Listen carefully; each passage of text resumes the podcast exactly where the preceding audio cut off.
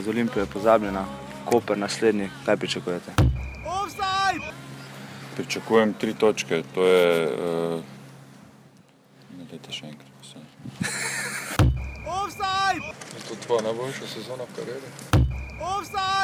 Najboljša. Pa dobro.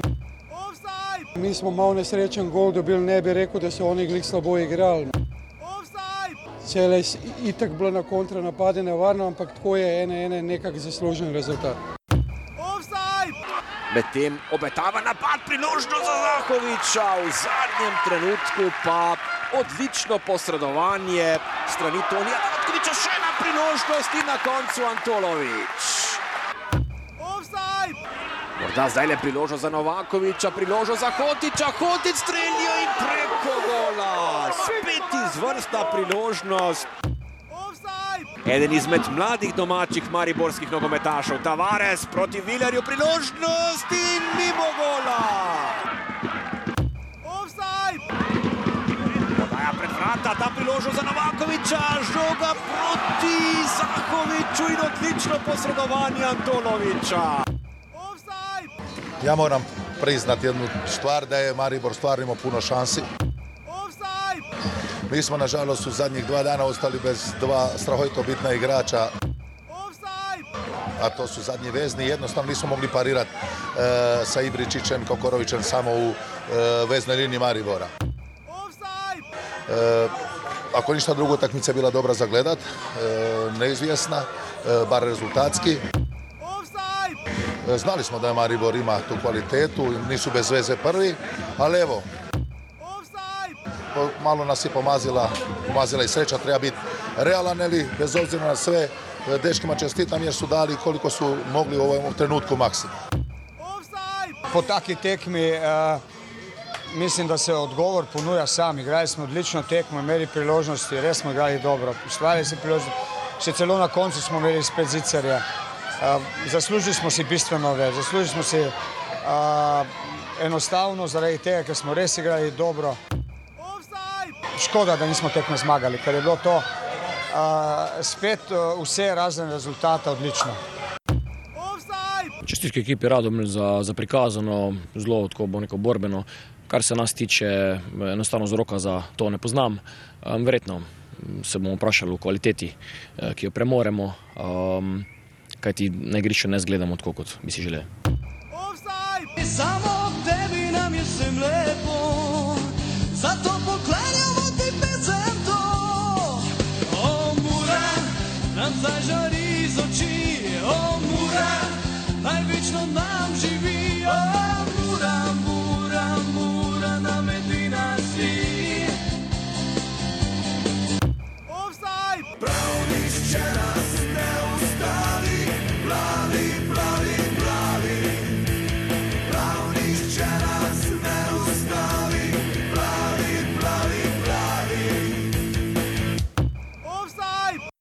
Drage offsetke, dragi offsetki, ljubitelice in ljubitelji futbola slovenskega, spoštovane, spoštovani, lepo pozdravljeni v 76. Oddaji, ep- epizodi oddaje Offside, oddaji o naši in vaši prvi ligi Sl- Telekom Slovenije in seveda Marjanu Pušniku in uh, vseh dogodkih prek Murskem derbiju, prek Murja je res futbol republika, tako da lepo pozdravljeni, lepo pozdravljeni v 76. Uh, na začetku ste slišali, zdaj sem se spomnil, v intro ste slišali seveda tudi izsek dveh imen, nogometna kluba Mura in eh, Nafta 1903, ampak najprej kot vedno lepo zdrav so avtorju, so voditelju in so carju oddaje Žigi Kosu. Žiga, servus. Zdrav. Žiga, skoraj nepredstavljivo se zdi, to je zgolj za vod, da je še pred tednom dni, ne, nisva sfolgala, ne, glih popovdne, ne, potem, ali kdaj je udarila novica, Ja. ne. Teden dni je že kar je Marjan Pušnik šel, ne, pa se zdi, da je to ne, davna zgodovina, pol pretekla. Ne. Ja, res je že, zdaj ko si mi rekel, da je že en teden, me kar malo presenetilo. No. Se ti zdi tako, ne? ko- Zdi se, kot da je dlje, mislim, ker se je toliko dogajalo. Mes bil je pokal, eh, bilo je novo, vikend kolo, res dogajanja, ne manjka. Vsi, ki ste nam a, želeli čim bolj dinamičen april, so se vam želje uresničile. Sicer eh, oddajo Oset lahko poslušate na iTunesih, na SoundCloudu. Poslušate eh, zelo eh, pospešeno na enem in na drugem odjemalcu, na iTunesu, če ste, dajte kakšno oceno, kakšno zvezdico, da bodo to lahko videli še vsi tisti, ki poslušajo podcast mrežo Apparatus. Eh, Sicer pa nam lahko pišete na offsetafnorbani.si, žiga kos je dostopen na, če ga boste na Twitterju našli, pa na Facebooku, mene pa tudi. Um, Sicer pa nas res lahko podprete, uh, bomo zelo, zelo veseli v teh dneh uh, na urbani.si pošiljnica offside, da bomo lahko šli še kam uh, na kakšno tekmo, ali pa da bomo lahko serverje, pa vse ostalo še malo bolj porihtali. To je to za uvod, uh, nič greva kar naravnost na glavo v 28. krok prve lige Telekom Slovenije, da ne bomo začeli vedno z Mariborom in Olimpijo in z Derbi in uh, z Marjani Pušniki in Mar Milani Mandariči, čeprav bi skoraj da lahko, ampak bomo dali to za malo kasneje, za sam konec oddaje. Ja, v tej oddaji boste slišali dva krasna gosta, uh, zelo egzaktna, res pronicljiva. Uh, jaz sem zelo užival, uh, ko sem poslušal njune odgovore. Prvi je Simon Maljevac Mali, kot ga že poznate, tisti, ki dlje časa poslušate offside strokovnjak za priobalno brcanje. Uh, Zadnjič mi je sicer nekdo uh, morsko napisal, da Benko ne bi zadev, to je bilo še prednja dva gola, da Benko ne bi zadev, gol, ne bi zadev morja, če bi na pomolu stal. Ja. Ampak je pol dva gola, res Saudani si je po njem zgled za škarice. Uh, drugi gost, z, Maljevcem, z Malim se bomo seveda pogovarjali, smo se pogovarjali o koprskem prvoligašu, Ankaranu, Primoži Glihi in še čem. Uh, drugi gost je pa Franz Friedl, uh, eden izmed legendarnejših uh, nogometašev, že ne, jaz po- šel gledati, sem pozabil, da je on bil prvak z Mariborom, to, to, da je bil z Mariborom, vem, pa pokalni, uh, da je pa osvojil peto, četrto, tretjo ligo, tega pa nisem vedel, ne, za Zavrčem, uh, pa mislim, da tudi delno z Olimpijo. Uh, ali, ne, z Olimpijo ne, mislim. Ampak skratka, res je ogromno preigral, zdaj pa je trener nafte in vam bo res iz prve roke povedal, uh, kako je bilo na. Um, Derbiju, ki nam je vsem nekako ponosno, ko to gledaš, posnetke si pogledal. Ja, Uh, res, vredno je pogledati. Ja, je, je kot drži. Uh, en moj kolega boste slišali v pogovoru, kaj je držalo napram prvi ligi. Je pa bilo koliko 2200 gledalcev. ne, 2006, poln stadion. Kar je več kot na res- vseh treh tekmah sobotnih prve lige. Ne. Ja. Tako da, Skoraj srhljivo. Ne. Ja, razen Maribora in Olimpije je to, po mojem, daleč najvišji obisk Ja. izmed vseh drugih prvoligašev. Ja, ne verjamemo, da bi se, pač, recimo, Marijo Olimpija ne igrata na eni ja. Tekmi. Ne, je neverjetno, da bi se zbralo že tisoč gledalcev, je meja v prvi ligi, da če ne igrata Marijo Olimpija, za vsak klub že velik zalogaj. Ampak greva zdaj kar naravno, torej dva gosta boste lahko danes slišali. Uh, 80. krok se je začel kot vedno v soboto, naslednji konec tedna žiga spomnil, uh, je velika noč, tako da bomo tudi mi v offset snemali naslednji teden v torek, vmes pa še četrtkovega uh, pokalnega, tako da bo 77. offset na sporedu v četrtek, upam, da vam ne bo preveč, zato bomo danes govorili hitreje in bomo čim prej končali, pa potem še v torek po veliko nočnem ponedeljku, ker so še v ponedeljek tekme. Uh, Ruda- Krško in Rodar sta odprla to kolo tekma, za katero smo ocenili tekma visokega tveganja za Krško, sploh kar zadeva obstanek v ligi, uh, oziroma igranje za, uh, za, za popolnitev prve lige oziroma dodatne kvalifikacije. Žiga, kako presenečen si bil nad rezultatom Krško Rodar 1 proti 2 in pa predvsem nad dejstvom, kako lahko so velenčani zabili oba zadetka. Ne?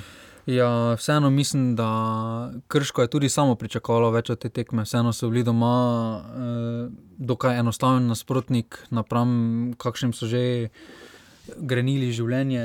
Sedaj pa so bili kar eh, brezidejni, so bili v napadu, pa tudi v obrambi, res so bili slabi. No. To še zelo dobro povedano, da so bili slabi. Ja, pač v obrambi so res postili, že prvi gol merija avtocesta, ne, to je šel kot tank. Ne. Ja, čeprav tam je Trivkovič res lepo podal v globino. Ja, res me lepo podal, uh, ni kaj tam mimo zalo, kar je šel, pa še mislim, da še mimo enega branilca, John Mary, uh, in zabil svoj 13.. Uh, 13 zadetek, tako da zdaj 15, 14, 13 uh, skupaj z Burgičem, ki je zadeval svoj deveti penal, ne, to je res že, že vem, če ni to rekord že v evropskih tekmovanjih. Uh, pa vendar, um, krčani so povedali, ko je Nikola Gatarič zadev, ne, tam so ga tudi velenski branilci, dva sta se stran odbila od njega. Ne, Ja, res lep eh, solo akcija. Solo akcija, res- podobno smo videli v Domžalah, sicer uh, od Gajča za Radomlje, uh, ampak vseeno. Um, Kazalo je tudi, da Dangobič ni bilo krško brez priložnosti. Ne? Prvi počas je bil precej boljši kot drugi. Ja, eh, Krško je imelo nekaj svoje priložnosti, tudi v zadnji minuti so imeli, tam je Dangovič malo predolga, mogoče bila Ja, ja, žoga, ali pa žoga, ja. malo prehitro se je že vrgel na tla. Res je obležal, ne? tako ja. Ja. mislim, da ta ikonični posnetek, si pogledajte na highlightsih, se mi zdi, da je tam, ko obleži z uh, vsemi štirimi od sebe, je eden izmed posnetkov, ki bi znal definirati pomlad Krškega, ne? ki je sicer letos z Mariborom in Olimpijo, ima dober skor, za temi spodaj pa mu ne gre najboljše. In tako kot trenutno kaže, uh, I would put my money na Krško, ne? da bo Krško letos deveto, ne? glede na, glede na formulo aluminija. No? Ja, tudi pa glede na to, kako se motivirajo, vseeno se vidi razlika, v, v, v, zelo velika razlika je v igri proti recimo Mariboru ali Olimpiji, napram rodarju aluminij, teh eh, takšnih nihanj nima. No. Ja, tu smo videli, zdaj se igrajo v polni postavi. Uh, mislim, vrnil se je Vokličevič in tako naprej. Mensas je tudi probo malo nekaj odigrati, ampak kaj pa rudar? Ne? Rudar se je zdaj s to zmago povzpel ima zdaj res sedem točk, je stran oddaljen trenutno od devetega mesta, kar je za te klube. Ker dosti res pa je, da smo zdaj videli v tem krogu, da po dolgem času se je dogajalo, da ti prvi, na prvih treh mestih so začeli redno točke izgubljati. Ne? Tega v jeseni nismo veliko videvali. Uh, kaj za rudar? Ne? Rudar je izrazito odvisen od Johna Merija. Ima, Zanič sem ugotavljala, da bi dala v, mogoče v tem trenutku idealno nesterico celo mogoče dva igralca rodarja, kar je za sedmo vrščeno moštvo lige malo dosti najbrž ne. Ja, vseeno, čeprav Meri in Glavina sta zelo dober napadalni par, eh, skupaj sta zabila že 27 zadetkov, skupaj pa je Rodar 41 jih zabil, tako da več kot polovico sta jih dva igralca zabila. Videli smo Boho, ne, ki je tam res lepo, to ni tako preprosto zdaj z glavo, zgleda zelo enostavno, zgleda kot da je rekreacija. ne. Ja. Uh, sam je potem povedal v izjavi, da so sedemkrat tu že igrali, pa niso zmagali, uh, da imajo res težave, da so sedemkrat igrali s Krškom, da imajo z njim težave. Uh, malo je sicer presenetila njegova izjava, da so bili utrujeni. Zdaj, tu je tista tretja razvojna os, ne, ker se eno zvelenja do celja je nekaj ovinkov, potem pa še naprej dalje so še kar ovinki. Ne. Pa lepo popoldansko vreme jih je malo utrudilo, ampak ne, dovolj, ne preveč, da ne bi vknjižili teh treh točk, ki so za Vanjo Radinoviča zelo pomembne. ne. Zelo pomembne, pa tudi glede na sam kader. Eh, Bi rodar sam pred sezono uvrstil malo više, kot pa na sedmo mesto, oziroma vsaj malo po to, eh, točkovno bi bili bližje temu četrtemu ali petemu mestu. Sedaj pa res eh, po dobrem spomladanskem začetku so imeli nekaj tekem krize. Ja, cel, zgubili so spet- s celjem, aluminijem, uh, domžalami, zdaj so recimo. Popravili, najprej so radom ja. Nabili spet proti ena in zdaj še napovedali res neko rahel preporod. No. Ja, sedaj so na takšnih tekmah, kot jih, ki jih po, po pravilu morajo zmagovati, so se malo bolj izkazali in si s tem malo popravili skor, pa se malo odlepili od dna. Sodijo je največji mariborski talent nogometa, Slavko Vinčič, eh, pred šeststo gledalci na stadionu Matije Gubca oziroma Matije Gubec. Matija Gubec eh, in potem je bila že naslednja tekma, ne? Eh, tekma polna presenečen, vnovič. Eh, Okay, ker vemo, da v domžalah nas redno poslušajo, bomo skušali uh, se malo samo cenzurirati, pa vendar uh, domžalčani nas globoko razočarajo za svojim spomladanskim delom. Uh, Adnan Zilžovič jim je sicer zelo velik poklon namenil, ko je rekel, da igra celo najboljši nogomet ali pa vse najlepši nogomet v slovenskem državnem prvenstvu, ampak vseeno um, radomljani so vnovič odškrnili točko, ne? imeli so edino zmago in pa eden od še Štiri točke od desetih so osvojili. Štiri proti- točke, desetih so pred domžalčanom osvojili ne, um, in jim zabili 2 od 19 golov, če se prav spomnim, bilo takrat 1-0. ne. 2:0. Ali 2-0, torej 3 od 19 zadetkov, pa 66 so jih prijeli. Uh, točka za radomljane, seveda. v- Hvale vredna, no? mislim, glede na to, da res nimajo nobenih izgledov, praktično več, da bi ujeli deveto mesto, da se tako pripravijo za ekipo, ki je tako suverena in imela ogromno priložnosti, Ivan Fier, dve sijajni, uh, ni bil edini. Uh, domžale sploh niso igrali tako grozno slabo, ne? če bi gledali samo highlights. Ne? Ampak Simon Rožman je rekel, da pač to, ko ste lahko slišali v vodo, da to, to ni to, to niso domžale. Ne? Ja, že prejšnjo tekmo so si ustvarili zelo veliko priložnosti, pa tudi niso zabili. tako da ta uči- Maribor sindrom. Ja, ta realizacija res muči. Eh, Priložnosti pa zelo enostavno pridejo, samo na koncu so zelo nezbrani. No. In še gol so dali z 11 metrov, ne? na Ki je malo, ki je bila- glede na to, kaj se potem na naslednji tekmi ni piskalo za roko, Na naslednjih dveh tekmah, mislim, ja. da vsaj ne. Uh, je potem ta malo pod vprašaj. Lahko je pa se- Roberto Ponis, ki mu je ura tako ponagala, da je odpiskal 4 sekunde pred koncem 3 minut, potem tam ga je en čakal od Radomlja, da bi mu roko dal, se je Ponis bolj z uro obadal. Uh, 300 gledalcev se je zbralo, domači navijači so bili, ne, spet Ja. ja. mlinari. Uh, sicer so se, ravno je komentator v uh, tistem live prenosu Prve lige Telekom Slovenije povedal, da so navijači do zdaj bili bolj tiho, pol ga je pa res uh, Gajič uh, stisnil solo prodor. Ja, res je lepi gol bil. No. Res, mislim, mo- Odbitek je prišel. Odbitek je bil, tam mu je verjetno pomagal, da, uh, da se Milič ni boljše znašel, ampak vseeno, da se tako penetriraš skozi obrambo domžal. Če se spomnimo, kakšne težave sta imela Olimpija, pa Maribor prid skozi to obrambo domžal, sploh tudi po njihovi desni, je kar, kar naporno. No. Ja, o tem uh, ne gre pozabiti tudi, da so rodom igrali 40 minut, uh, si igrali se manj. Tako da ta rezultat ima še večjo težo. Lahko bi rekli, da je to gre za derbi, čeprav ko sem gledal tekmo, nisem dobil nekaj posebnega, da je, neki, da je prisoten neki poseben naboj. Tako da na to domžalčani ne morejo igrati, tu so res kiksnili. Ja, na, na, nekaj, na nečemu, kar se reče, bojda ne, neuradno občinski derbi. Ne. Uh, Radomlje in Domžale sta seveda si delita stadion v športnem parku do zadnjih dveh krogov, kot si ti zadnjič, oj, oj, oj. do zadnjih dveh krogov, kjer bodo Domžalčani bizarno gostovali, oziroma bodo gostili druge ekipe v Naptuju, Radomljani pa bodo zdaj kar naenkrat lahko igrali doma, kar je malo farsa, brez primere, če kar se mene tiče, uh, ker potem škoda, da niso Radomljani vso sezono igrali doma, Ja. ja. to je vse moje mnenje, glede na stanje zelenice v Domžalah, pa sploh. Juh, to pa je. Eh, To, to, mislim, to je res, to je že zdaj trenutno zelenice so v Sloveniji, kar malo problemov videli, zdaj kaj bo v, v torek, jutri je vreme zelo slabo napovedano, bomo videli, kaj bo v novem mestu. Ja. Uh, tam zna tudi na portovalu zelo naplaviti, uh, bomo videli, kaj to pomeni za vegetacijo nasploh.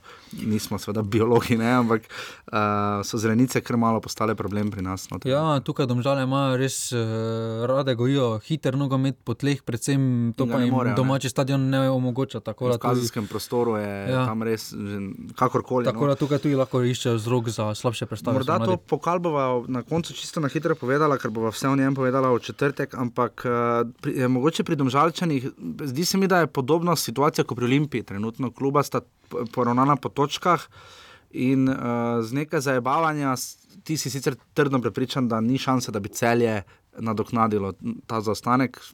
Po včeraj, če bi včeraj ostalo ena proti nič, Bi, morda. morda. Uh, bi, namreč, kaj bi se lahko zgodilo, da bi ena od teh, ekip, ena od teh dveh ekip ali treh, ne domžale, Olimpija, Gorica, uh, ker Maribor bo zagotovo igral v Evropi, te, težko verjamemo, da bi izgubil tolikšen zaostanek ne, um, za Evropo, ne, ampak Ja. vseeno uh, bo v Evropi skoraj zagotovo igral, to je že zdaj, zdaj praktično potrjeno. Tri ampak- točke še rabijo. Tri točke še rabijo, tako da to, to je res najmanjši, najmanjši problem iz tega vidika. ne.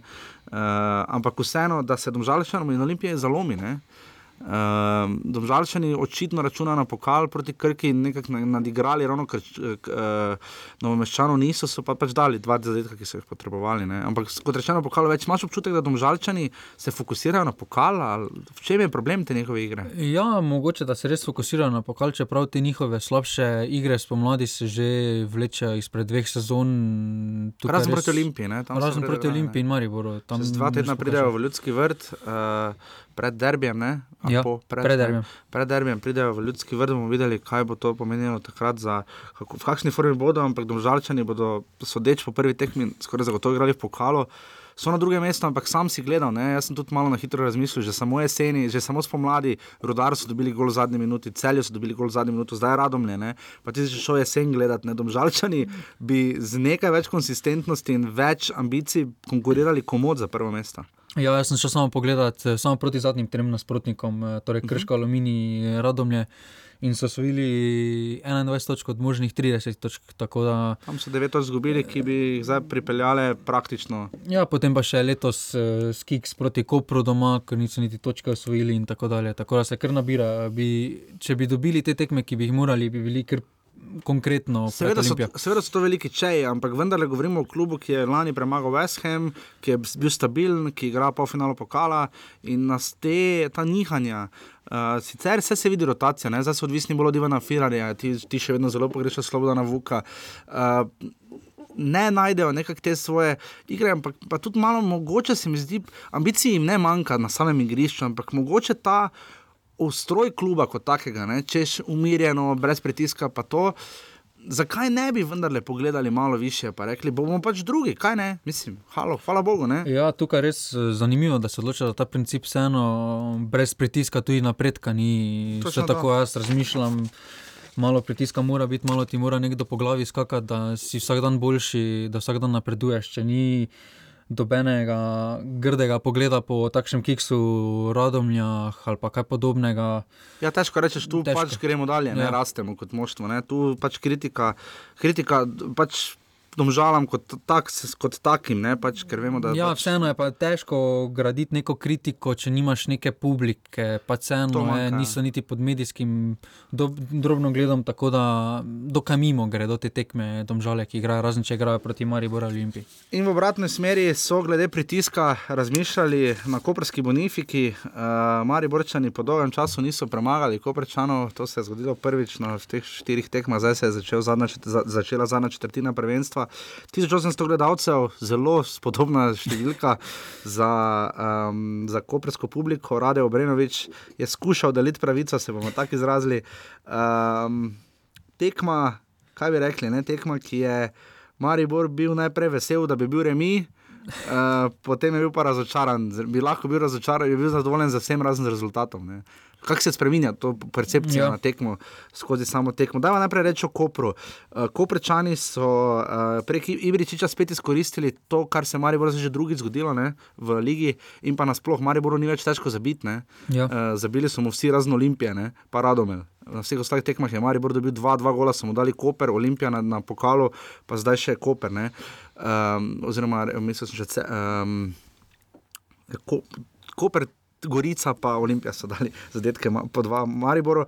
Kaj bi rekel, Tino, zakaj je Koper bil sposoben ne samo povesti proti Mariboru, ampak celo dolgo držati to vodstvo? Ne? Ja, vseeno, Mariboru se pojavlja že, do, že skozi celo spomlad, da slabše začenjajo tekme, da če dobijo gol, ga ponavadi dobijo v začetku tekme. Ampak je tudi razlog, ker ga niso dali, ne? čez hashtag Ja. Ivo Milovanovič. Ne? Ja, res je. Ja. Ker, ker je tam Hotič imel res Hotič je imel pol ne. sekunde, pol minute prej, res imel ena na ena. Pogleda je, lahko vpraša Golmana, kam mu položi, na to pa res ponovno problem v realizaciji. Je Koper igral dobro, slabo, boljše, v skladu s svojimi sposobnostmi, kaj bi rekel? Ja, glede na izjavo trenera, so igrali skladu svoje sposobnosti, ki je povedal, da. Vedno nekdo manjka. Ja, vedno nekaj manjka. Pač, eh, čeprav jaz sem Kopra pričakoval osebno več, no, vsaj malo več konkretnosti na Mariborski strani. tekme, ne? tam lahko Proti koncu strani so ne. malo res začeli boljše igrati, čeprav od, od prvega gola pa do ne vem, 2:1, kakšne 70 minute bilo- jih ni bilo. Jih ni bilo, so, so, potem je Lukanovič dal noč z zanimivimi navodili, pamične. Ja. Ajde, visoko, ne? čeprav Kovrčano ni šlo tako slabo po tleh, ne? vsaj jaz nisem dobil tega občutka. Ja, no. čeprav tudi vseeno tukaj vrhovec odigral dobro tekmo, zelo je dobro držal Mhm. uh -huh. Koper po tleh, tako da res eh, pametna odločitev, da so igrali rajši po skoku, ki Maribor brez uh, defendija, šuler na veze v obrambi je glede na visoke, je na visoke žoge dokaj ranljiv. No. Videlo se je ambic, ambicioznost pri parku Korejcu, ne, ki je jezno odvrgel dres, ne, ne da bi sploh šel, eh, šel kar naravno s slačilnico, ne da bi dal roko Belimi, ki ga je zamenjal ali, trener, ali stro, svojemu strokovnemu štabu. Koper ima celovito ekipo. Ne. Včasih primerjava Koper in celje, recimo kot nek primer, ker ima nekaj teh starejših igralcev, ki so Pranič in Ibričič, potem ima tu igralce, ki so v sponu, ali Kokorovič, Datkovič, prav Datkovič je storil napako, imajo Antoloviča na vratih, ki se je zelo izkazal. Ja. Um, ta točka je za Koper pač relativno uspeh, no res pa je, da v zadnjih treh tekmah niso zmagali. Ne? Ja, imeli so dober start tudi v spomladanski Ja. del, potem so pa malo nerazumljivo padli. Eh, Sedaj pa se pobirajo. Na, na koncu vseeno važno, končni rezultat, ni važna igra, tega se tudi držim, principa. In na koncu vseeno točka velika za njih. Absolutno se strinjam, več o Kopru, o igri Maribora boste slišali potem, ko se bo razbrcal uh, mali uh, Simon Maljevac, uh, ki vam bo res povedal več o tem, kako in kaj v Kopru. Mi pa potem nadaljujemo z remek delom uh, Milivoja Novakoviča.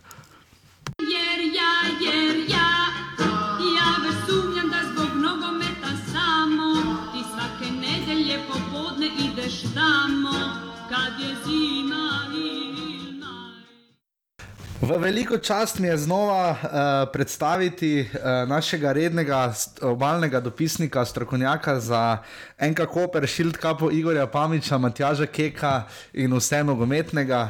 Uh, mož, ki je sedel, oziroma fant, kakor, kakor vam drago, ki je sedel ob meni na derbiju v sredo v Ljubljani, je bil prav super sosed. Uh, Simon Mali Maljevac je znova gostov, vsaj da. Uh, Simon, servus. Lep pozdrav. Uh, povej mi, um, koliko je bilo ljudi na Bonifiki? Ja, za letošnje razmere je ogromno. Ker, eh, takole bom povedal, jaz ponovadi pridem na stadion ene 45 minut pred tekmo in sem kar osamljen tam do, do, do prvega sodnikovega žvižga. Ne. Tokrat je bilo pa že pol ure pred tekmo, kar kolone ljudi so drle skozi glavni vhod, tako da je bilo kar malo. Mislim, moram se zahvaliti Mariborčanom, ki so večinoma oni no, pričarali po dolgem času eno pravo nogometno vzdušje na Bonifiki. Ja, Ornk se je navijalo. Če gledamo v celju, je ja. Dragonom očitno malo zmanjkalo za leta po vodstvu celja, v, v Kopru se je kar fes navijalo, ampak tudi domačini so potem, recimo, če poslušaš 2-2 zadetek, ko pogledaš Harajce, so se res iskreno veselili. Torej, niso prišli gledati samo Maribora, ampak so podprli kozličke, slash kanarčke. Ne? Ja, tudi njih je očitno to malo pre, prebudila ta mariborska zagretost. Tako da so celo oni ene dvakrat uskliknili Koper, Koper in uh, podobno. Tako da je bilo res eno pravo in lep nogometni večer. No. Tudi vreme je bilo ok, tekma je bila dob, solidna, veliko golov preobrati, tako da je bilo res lep, lepo na Bonifiki. No. Kaj, kaj, kaj zdaj ta publika, oziroma kakšen občutek si ti dobil, kaj je zdaj s Koprom? Ne? Veš, zdaj mi po diagonali na drugi strani države, umika se Luka Koper, eh, to je vprašanje, kaj bo z financami kluba, eh, kapetanski trak se podaja, Koper je sposoben eh, presenetiti Olimpijo, pa zgubiti doma s Krškim dve proti nič. Kaj bi ti rekel, kakšen je zdaj ta Koper? Kaj je od takrat, ko smo se, recimo, poleti, jeseni na zadnje slišali, kaj bi ti rekel, kaj je taka razlika? Ne? Ja, tako bom rekel. Ko priješ na stadion, v bistvu vidiš samo reklame teh občinskih podjetij, kot je komunala in podobne zadeve. Tako da so se res gledali vsi ostali sponzorji, kot je bila tudi glavni sponzor Luka Koper, nekako umaknili in to je zdaj zgleda občinski klub, ki se večinoma, kot kaže, financira iz uh, občinskega proračuna. No. Uh -huh. Tako da, ker od, od vstopnice ne financira, ker gledalcev pač ni. Tako da vse skupaj je zdaj en, ne vem, nekako v pričakovanju, kaj se bo razpletlo s to prisilno poravnavo, kaj bo prinesla. Tako da vse je nekako v zraku. No. Kdo je zdaj tisti, ki ima glavno besedo, kdo bo pod narekovaj rešitelj kluba? Se lahko, po tvojem mnenju, ponovi primer Zavrča? Rešitelj kluba, alfa in omega kluba, vsekakor eh, župan Boris Popovič. Uh -huh. Sam eh, pač klub je nekako v rokah te politike. Zdaj ne vem, kako nogometna zveza, UEFA in te glavne organizacije gledajo na, na, na, tako tesen odnos uh -huh. športa in politike, ker to verjetno naj ne bi bilo ravno tako. No. Uh -huh. Kopru pač je, brez. Brez občinskega denarja ta klub v tem trenutku ne bi preživel. Ne. Tako da vsaj do naslednjih volitev bo očitno stanje takšno, kot je, če seveda ta prisilna poravnava ne bo ponudila kakšnega dodatnega preobrata. Ampak je zdaj občutek, da bo Koper obstal v ligi, bo se šel resno neko zgodbo še naprej, ali kaj. Ker vmes smo se pogovarjali tudi o Ankaranu kot B opciji ne, za župana Popoviča. Kaj bi ti rekel, ne, kakšna je zdaj usoda Kopra, ne, ker na lesvici stojijo zelo solidno, ne, ne, ne, trenutno se ne rabijo obati, da bi recimo igrali dodatne kvalifikacije. Ne. Ja, mislim, tako če pogledaš na, na hitro, zgleda, da vse normalno. Pač ti glavni zvezdniki, bi rekel, kot so Daniel Pranjič, Senja Dibričič, igrajo. Uh -huh. To pomeni, da, da so tudi zgleda normalno plačani na igrišču stvar deluje zadovoljivo. In tako da, kar se tiče tega, zgleda vse normalno. Kaj se pa dogaja v zadju, pa v Kopru, vedno težko reči. Uh -huh. Ker tudi ta opcija z Ankaranom je vredno, zdaj se je malce vse skupaj potihnilo, tudi v Ankaranu so nekako zanikali to, vendar verjetno se v, v zadju kaj dogaja. Kaj bo pa prinesla prihodnost, je pa vprašanje. To, če pogledamo vem, članska ekipa zdaj tudi v soboto. Ne, igralo je vse skupaj 14 igralcev, od tega so bili se trije Slovenci. Ne? Od tega dva v prvi postavi, ja. grozno. Ja. Maribor pa z vsemi enajstimi. Ne, ja. Prlek Pučko, potem Izolan Palik v prvi postavi in še Mhm. Krivičič. Tako da dva, dva igralca iz obalnega bazena, od Mhm. vse skupaj 14 igralcev, no, pa plejada tujcev, predvsem Hrvatov. ne. Tako da to na, na dolgi rok nekako ne more zdržati. No. Vendar taka je pač aktualna klubska politika. Res pa, da Koper seže očitno vse do korejskih nogometnih talentov. ne. Daj mi, daj mi razloži, kakšen je medijski zdaj komunikacija. Recimo, da malo opiši, recimo, če hočeš dobiti kakšen intervju ali pa tiskovne konference. Kako to zgleda? Na, se je tukaj spremenilo recimo, v odnosu, recimo, malo bolj, da je klub malo bolj odprt, ne, ne vem, da, da dobiš intervju z Danielom Praničem ali kaj takega. Ne? Takole zadeva, kar se tiče teh objav na spletni strani, imamo ene dve objavi na, na, na teden. Uh, drugače pa tiskovne konference pred tekmami ni, po tekmi pa v bistvu lahko dobiš tistega igralca, ki želiš. Tako da glede- tega ni problema. Po koncu tekme poveš, bi želel pogovor s trenerjem, z igralcem, uh -huh. tako da glede- tega ni nobenih blokad ali česa podobnega. No. Mhm, tako da tu je klub. Saj, ka- kakšen je tvoj recimo, občutek zdaj, ko je že dovolj časa trener? Kakšen je tvoj občutek oziroma izkušnja oziroma vloga Igorja Pamiča in njegove šildkape v Kopru? Pa za Pamiča velja tako, da ni ravno trener, ki bi mučil igralce na, na treningih, kar verjetno tele aktualni zasedbi tudi ustreza, saj je v ekipi ene par Mhm. starejših igralcev. No. Tako le, on je kar pragmatik, ve verjetno, kaj lahko naredi na posamezni tekmi. Tudi proti Mariboru se je videlo, se ni spustil nek dir z, z Mariborčani, ker je vedel, da, da to ne bo prineslo rezultata. E, Tudi pove, kar ga muči. Pre- Po prvih tekmah se je kar odkrito izziv na svojo zdravniško službo kluba, ker je bilo nekaj igralcev poškodovanih in se ni na prav način saniralo te poškodbe. Tako da on je nekako odzmeraj bil brez dlake na jeziku, tudi dol v, v Istri, ko je bil trener. Je pa tako, ene parkrat sem ga vprašal, kako vse skupaj deluje, tele zapisi o klubu, ker pač mimo tega igralci tudi ne morejo. Ne. Je tudi on rekel, da igralci str- teh, tega ne berejo, ampak da vseeno pridejo informacije tudi do njih in da zadeva pač tudi vpliva. Pa kakšen je, kakšen je morda? ra- razpoloženje. Kakšen je po tvojem mnenju cilj oziroma zgodba Kopra? Nekaj se je takoj v nadaljevanju o boljših rezultatih govorilo tudi o četrtem mestu in morebitni Evropi. Ne? Zdaj se to zdi mogoče rezultatsko gledano, ali pa vse trenutno na lesici, predvsem nerealno pričakovanje. Ampak kaj bi ti rekel, ne? kakšni so cilji ne, tega kluba? Ne? Zdaj spomnimo se tistega famoznega začetka lani, ko je Boris Popovič govoril o Ligi prvakov. Ne? Ja, Liga prvakov verjetno še ne bo tako hitro. Eh, Seveda bi si klubsko vodstvo si bi želelo Evrope, ker potem bi lahko spet eh, malce bolj se, ma- mal, ma- mal bolj bi se lahko pohvalili pred publiko. Pa morda bi dobili kakšnega zanimivega tekmeca kot lani Hajduk in bi izgledalo vse skupaj lepše. Ne.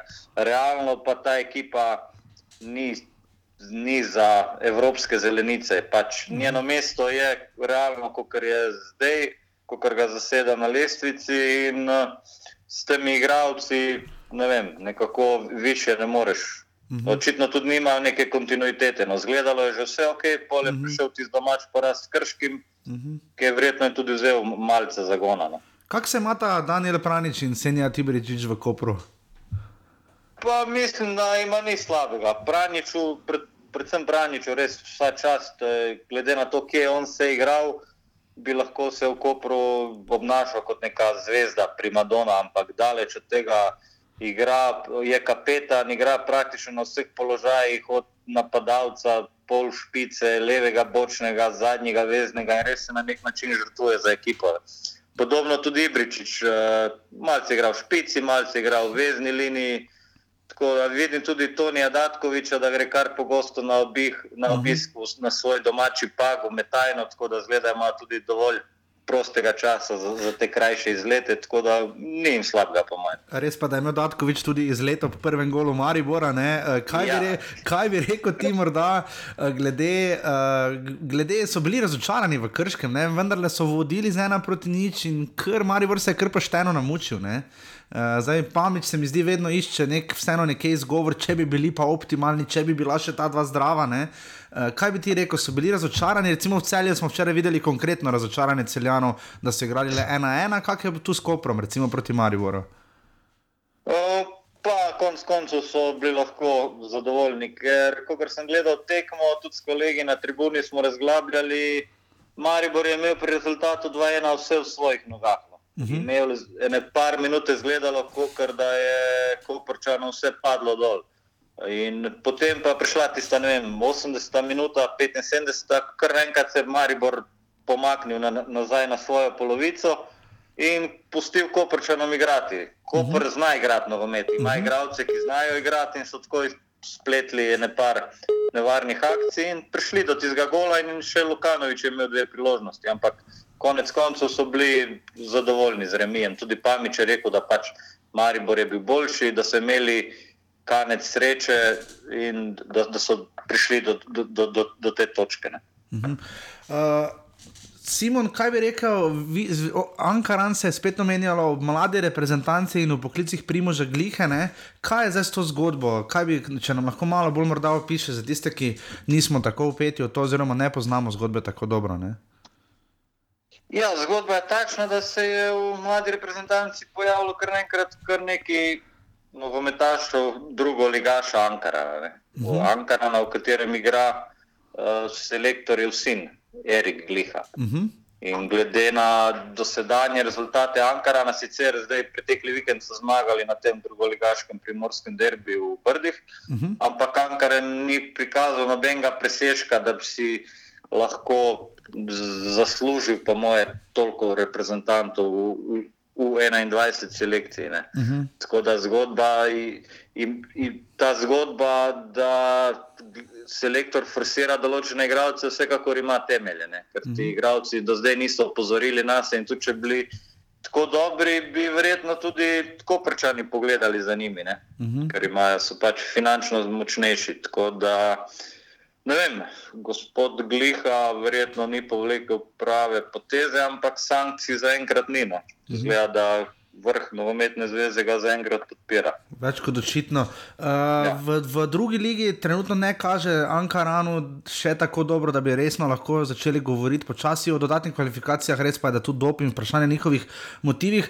Kaj pa tretja liga, ne Tabor, Adria in Jadran Dekani so 45, 44, 43 točk v tem trenutku. Uh, mhm. Druga liga se naslednje leto širi, uh, vsaj dva, dva od teh klubov bosta šla naprej. Uh, kaj ti misliš, kakšne so te zgodbe? Zgodbe, ker druga liga bo prihodnje leto krna, ne ravno na udaru, ampak bo kar verjetno pozorna, verjetno bojo vložki tudi malo večji. Kaj, te, kaj bi rekel o teh treh klubih, kaj bo dala tretja liga za hod, drugo leto, drugi ligi? Ne? Pa najbolj resno zgleda zgodba sežanskega tabora, uh -huh. ker ima tudi resnega sponzorja. Zastavili so se skupaj pod vodstvom Davora Škarjanca, tudi nekdanjega nogometaša Olimpije, uh Mhm. -huh. ki je se, sedaj tudi direktor kluba. Dobili so novo tribuno, tako da njihov stadion zgleda zelo, zelo korektno. In uh, tako da imajo resne ambicije za, za drugo ligo. Tudi po organizacijskem ustroju zgledajo odlično, tako da z njihovim prihodom v drugo ligo, tudi v drugi ligi bi imeli kaj povedati. Ker uh -huh. zdaj ti klubi, ki so napredovali iz tretje v drugo ligo, z primorske strani, niso imeli ravno velikega uspeha. No, tudi ve, večkrat so izpadli v dodatnih kvalifikacijah, z izjemo brd, ki so premagale Beltince, mislim, da -huh. v zadnji ali predzadnji sezoni. Tako da najbolj resno mi trenutno deluje sežanski tabor. Uh -huh. Simon, vedno si še z eno nogo tudi na Hrvaškem, ne moreva še mimo tega ne, ne omeniti hrvaškega derbija, desetletja, kakorkoli se mi zdi, vendar le to nekoliko pretiravanje, morda bo to v zadnjem krogu, bo pač derbi tisočletja, ampak uh, mene je vendarle tista poteza Matjaža Keka na koncu razburjenja. To je, je malo presenetljivo za njim, da se tako vstane, razburi, govori, da bi sodniki potrebovali jajca. Včasih bi lahko jajca tudi kdo keku učital. Ne? Ja, uh, kar se tiče priprave na tekmo, je kek res opravil odlično delo. Uh -huh. Reka je proti Dinamu od prve minute krenila furiozno, imela veliko priložnosti. Mislim, da prvi polčas je bilo razmerje v streljih 9 proti 3 ali nekaj podobnega, tako da je posebno kontrolirala ta derbi na to v drugem polčasu tudi zadela in se je zgledalo, da ima reka že skoraj ta naslov prvaka v svojih vitrinah. Potem pa so se za malenkost ble- bile so določene menjave. Tudi Kek mislim, da je rekel, da je naredil eno napako. Ja, je rekel, ja. menjavo, Ni sicer omenjal katerega igralca. Uh Mhm. -huh. Malce so se zaustavili in potem prijeli ta zadetek, ki je bil res fantastičen. Gol Sudanija za ena ena. Uh Mhm. -huh. Tisti, ki ga ni še videl, naj ga pogleda na YouTubu. No, Benkove škarice so bile lepše. Ne? Ja, no, slovensko je zmeraj boljše. Res je. Da, uh, ja, kek se je razburil. Bila je ena situacija v 92 Ja, na koncu, ja. kontakt eh, v kazanskem prostoru, res lahko bi bil penal brez problema. Če bi se to zgodilo na drugi strani, bi morda sodnik z veseljem zapiskal, tako da se je razburil. Noben pa keku ne očita, kot sem vsaj spremljal, da bi se, da je do remija prišlo zaradi tega, ker bi se reka branila v zadnjih minutah. Ni se branila, morda se je malce nazaj povlekla, ne vem, če po navodilih trenerja ali ne.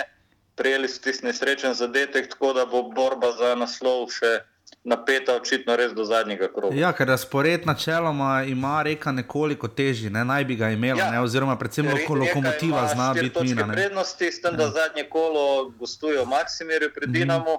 Doma jo čaka še vedno zanimiv jadranski derbi s Hajdukom, tako da ima malenkost težji razpored in vsekakor bi si pa Rijeka želela ohraniti štiri točke prednosti, ker v zadnjem kolu v Maksimirju je možno vse. Možno vse. Simon, mali maljevac, hvala, da si bil znova naš izjemno eksakten, pronicljiv in krasen gost uh, iz uh, obalnega, diagonalnega predela. Tako da res ti hvala, vedno znova in upanje na čim prej naslišanje naslednjič. Ne? Ok, se veselim. Paži, mali fajn vodi, čau. Lep pozdrav, čau.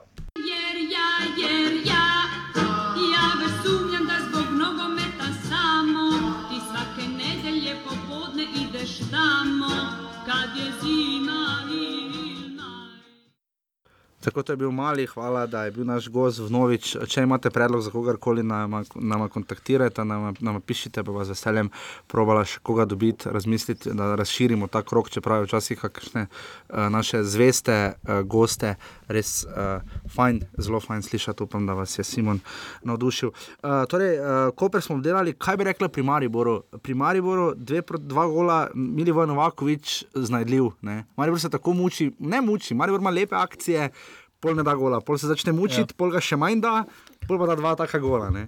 Ja, čeprav prva, prvi gol Novakoviča res bil, Malo res priboril si ga, marsikdo ne bi šel na tisto žogo. No. Tako je malo zelo, kot da je burja žogo ponesla. ne, ker Dat- Datkovič je res slabo žogo, ceno Viler je podal. Ne, Ne, Pihler je, Pihler je hotel podati, pa se ja, od njega odbila. Odbila, ja. Ja, in je potem žoga tako čudno prišla do Novakoviča, in on je tam bil točno, ker je, ker je želja, da bi bil. Ne. Zakaj? Ja, drugi gol pa res. Drugi gol, Uigrana akcija, uigrana ni akcija, nič. lepo hotiče. Zakaj je Novakovič, kaj bi ti rekel, zakaj je Novakovič zdaj, zakaj mu je zdaj to uspelo? Ne? Ja, vseeno se pri njemu vidijo določene izkušnje, no vseeno je že dal marsikaj skozi, igral je v tujini, navajanje težkih situacij. Ker ponavadi bi ga takšna akcija, kot je bila tista v prvem polčasu, ko je dal gol, igral je z roko, pa bil je v kilometrskem offsajdu, pa se je šel kregati sodniki, ponavadi bi ga to stalo, ne? to kreganje. Kar smo že videli v preteklosti, ne? to kreganje ga zna potem stati, mogoče malo več koncentracije. Ne? Ja, vseeno, glede na to, koliko vseeno se dosti prepira, ampak vseeno je na igrišču vodja, to mu ne gre oporekati. eh, Res da to malo moteče na trenutke, ko se za vsako žogo Pač krega, ja, krega. pač Čeprav s tem krivlja. tudi dela določen pritisk na sodnike, pa mogoče kdaj kaj spregleda. Tako Zelo da več mu je dovoljeno, ne? tu je Obrenovič, Ja, tam bi se Novakovič, glede na to, da je. glede Maribora. Hudo pogledal skozi prste. Glede na to, da je Viler, glede na to, da je Viler dobil karton za kaos, simuliranje, slash ogovarjanje, uh, tam je Novakovič res odletel na 20 metrov do sodnika, to je po vseh pravilih sodobnega futbola karton, brez, brez pardona, Šuler je razlagal Brenoviču, mislim, da vse po spisku, tudi nič, uh, Viler ga pa dobi, recimo. Ne? Ja. Um, in, uh, Tu smo videli, Novakovič je tudi na koncu pripravil spektakularno lepo priložnost Luki Zahoviču na 3 metre. Ne? Tam Ja. na 4-5 metrih je bil Luka Zahovič nabil golmana. ne. Tukaj se tudi vidi, da se Novakovič zaveda pomena, da, se, da vidi, da je Zahovič trenutno v res strelski krizi. Tudi na koncu mu je prav pripraviti lepo situacijo, pa v domači tekmi mu je en, tu en penal mu je prepustil, uh -huh. tako da se res dela za ekipo. No. Na sebe, malo to, kar je lani, eh, letos je na sebe res to vzel breme. Ja, malo pritiskajo, zelo, ko Na ni Tavareša, ni na igrišču, ni nekega vodja v napadu. Zahovič ima dobre tekme, potem pa tudi pridejo par slabih, kot smo videli sedaj. eh, Novakovič pa vseeno kar dosti pritiska jemlje, tudi pri borbi in ustvarjanju priložnosti za drugo, dosti dela za ekipo. No, da. Da, še pri napadu reči besedo dve o Luki Zahoviču, ostaja pri 13, 14 zadetkih, uh, ne gre mu, ne, zdaj zapravi že res.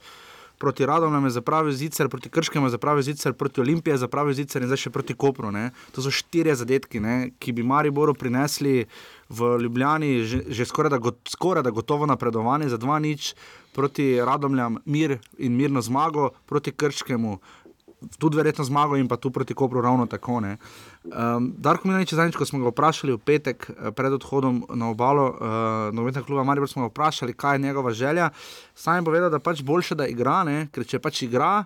Pač ga lahko da, če ga da na klop, ne more dati gola. Je pa res, da če ne da njega, ne, mislim, če, bi, če ne da nobenega drugega, pa tudi noben drug ne more doseči zadetka. Kakšno je tvoje mnenje? Ja, moje mnenje je sicer tako, da vsak napadalec, eh, tudi vrhunski napadalci, padajo v krizo, ko ne Seveda. najdejo zadetka. Tako da tukaj pri Zahoviču pa spodbudno to, da vseeno prihaja v priložnosti, prihaja do teh situacij ena na ena, ko bi lahko zabijal in, mm. in, pa in, in iz katerih seveda zna zabijati, to je že dokazal. Tako da prej se mu bo ponovno odprlo. Da... Ampak tvoje mnenje o klopi, ne? na klopi sta Marko Stavares, ki je zbral 85 minut na koliko sedmih tekmah spomladi, ne?